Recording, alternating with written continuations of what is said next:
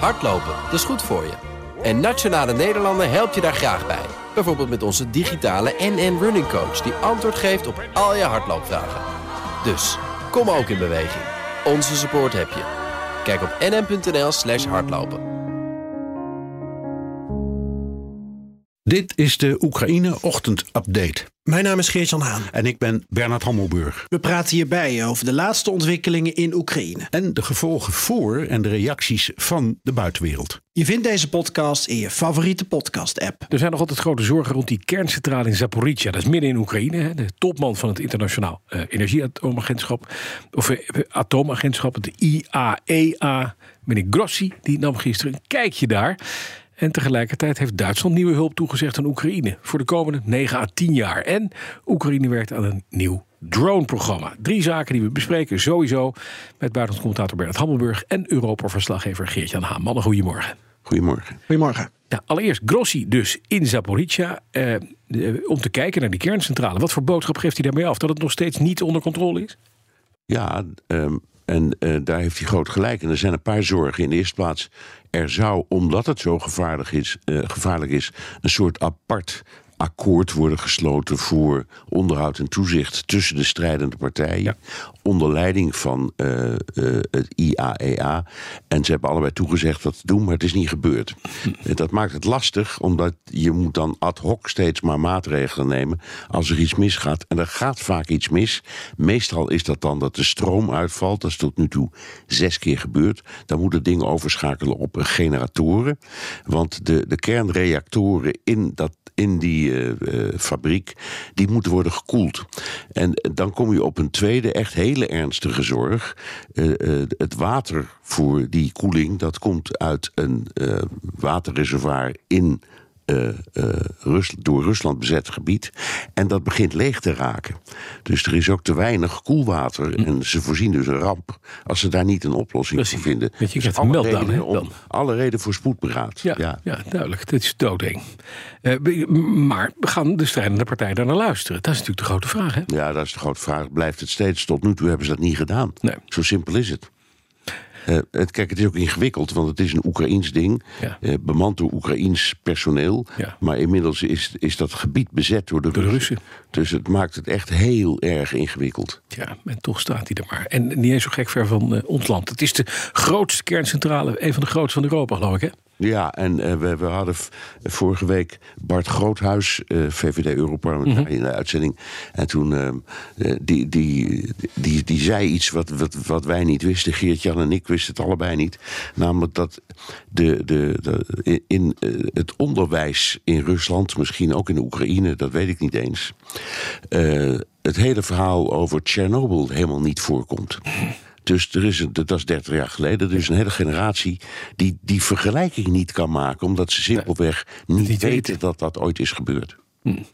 Ander verhaal dan, Bernard. Want Duitsland komt over de brug met de komende 9 à 10 jaar 12 miljard euro militaire hulp aan Oekraïne. Ja, maar dat, dat is, is nog wat. Is 8 miljard voor wapens, maar dan uitgesmeerd over 10 jaar. Ja, precies, maar toch. Dus dat, dat is, het is toch wel een behoorlijk bedrag, maar nou. het maakt het allemaal weer ietsje minder spectaculair. En 4 miljard um, is uh, bedoeld om de eigen Duitse industrie uh, weer uh, nou ja, een inhaalslag te laten maken voor alles wat ze hebben gegeven, vooral op het gebied van munitie.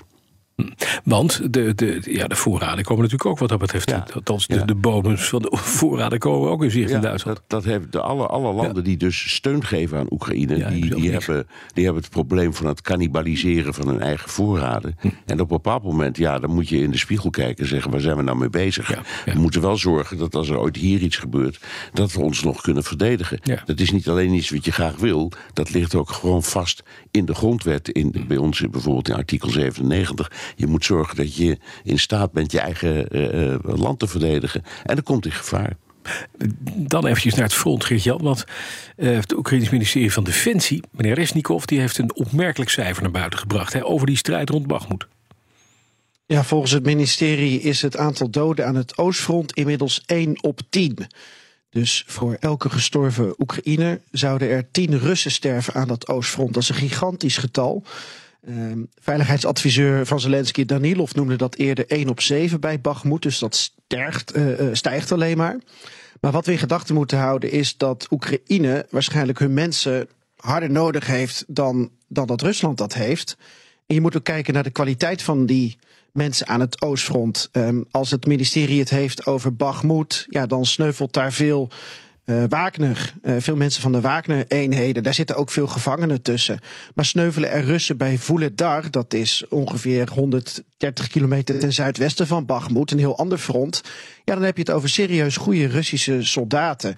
Um, dus de cijfers zijn goed voor het Oekraïense moraal. Um, maar er sterven ook veel Oekraïners. En je moet in gedachten houden dat zij misschien hun mensen harder nodig hebben. En dat niet elke Rus, het klinkt altijd heel lullig om te zeggen, maar in dit geval is het nou helemaal zo, aan het front niet even waardevol is. Nee, precies. De, de Joint Chiefs of Staff voorzitter, dus uh, generaal Milley in Amerika, die sprak vannacht de Senaat toe en die zei: uh, Wat we daar zien is een slachtfeest onder de Russen. Het, het klinkt allemaal heel erg bloederig en ellendig. Uh, en dan denk je, ja, dat moeten we met een korrel zout nemen. Wie kan dat controleren? Anderzijds, meneer mm. Yevgeny Prigozhin, de baas van Wagner, die zegt over, over dat beleg in Bakhmut dan weer iets anders. Die zegt, nou, we zijn nog steeds aan de winnende hand. Maar ja, wij worden ook wel gedecimeerd hoor. We krijgen wel flinke klappen van de Oekraïners. Ergens in het midden ja. ligt dan de, de, de, de, de, de, de waarheid. 1 op 10, is dat verifieerbaar?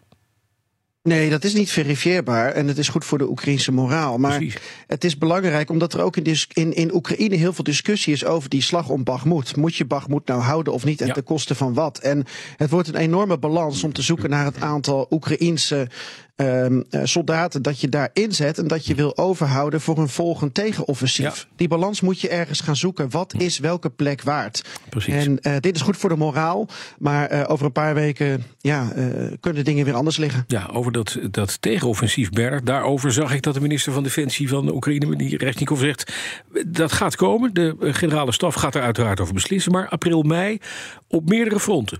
Ja, dat zal ook wel moeten, want uh, we hebben gezien dat uh, als Oekraïne succes boekt, dan is het door aan te vallen op een bepaald punt, maar de suggestie te geven dat dat op een ander punt begon, begint. Uh, dus de, hier is ook een sprake van bewuste verwarring van de tegenstander. Um, en het is een heel groot front. En het is niet zo dat het een, een klassiek offensief wordt, zoals je dat voorstelt in bijvoorbeeld de Eerste of de Tweede Wereldoorlog, waar het ene front optrok tegen het andere. Um, dit, dit, dit is een front waar ze aan weerskanten voortdurend gaten zoeken. Uh, waarvan ze denken dat is misschien een zwak punt, daar kunnen we toeslaan.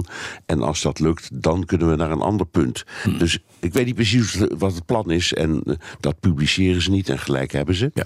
Uh, maar het is wel zo dat in die discussie over Bachmoed, hè, waar, waar Geert-Jan nu over spreekt, er voortdurend een. een ja, een soort twist is tussen Zelensky en Biden. Zelensky zegt nee, het is echt heel belangrijk dat we in ja, zo lang mogelijk volhouden. En Biden zegt, zegt, joh, spaar toch je troepen en je mensen en je materieel. Ja, en en hm. ja, geef het op. Dat, ja. dat, dat, is niet het einde van de wereld. En, en begint te hergroeperen. Hm. Ik denk dat Zelensky allebei probeert. Ja, dan geet je nog eventjes naar jou. Want ondertussen komt Oekraïne met een drone-programma, een eigen drone-programma. En dat ja. kondigen ze open en bloot aan om toch even indruk te maken op de Russen. Ja, de minister van Digitale Transformatie, Fedorov, die in Nederland wat meer bekend staat om zijn uh, relatie met Elon Musk en uh, Starlinks, uh, die zegt onze eerste eenheden van ons droneleger zijn gereed. Um, ja, en waarom brengt Oekraïne dat naar buiten? Dat heeft een aantal redenen om richting het Westen te laten zien: kijk eens wat we doen met jullie geld. Uh, om richting de eigen mensen te laten zien: kijk eens wat we doen met jullie geld. Want in Oekraïne is het ongeveer uh, taak nummer één van de bevolking om aan crowdfunding voor het leger te doen. En er worden heel veel drones van gekocht, heel veel consumentendrones. Maar het is ook een signaal richting Rusland. En dan kom je een beetje uit op die uitspraak ook van Resnikov. Dit is natuurlijk ook weer een vorm van misleiding. Want die drones die worden gepresenteerd. Maar waar worden die dan ingezet straks bij dat tegenoffensief? Op welke manier? Um, ik geloof niet uh, dat Resnikov uh, ja, de waarheid spreekt. Als hij zegt in april, mei gaat het gebeuren. Het zou ook zomaar van de, van de zomer kunnen. Het is allemaal onderdeel van één groot spel. En daar horen die drones bij. Ja, nog eventjes naar uh, Poetin. Want die heeft er aangegeven, Bernard, dat hij last heeft van de westerse sancties. Toch ja, nog? Twee, hij zei twee dingen. Ja. In de eerste plaats, het gaat uitstekend uh, met uh, de werkgelegenheid. Mm -hmm. Dus ze hebben helemaal geen last van werkloosheid of dat soort Nee. dingen. Dat zal ook best kloppen hoor. Maar hij zei ook, ja, hij gaf toe dat ehm, de economie last begint te krijgen van westerse sancties. En voorspelde ook dat dat in de het, uh, cijfers in de nabije toekomst zichtbaar, zichtbaar zou gaan worden. Dat heb ik hem nog niet eerder horen zeggen.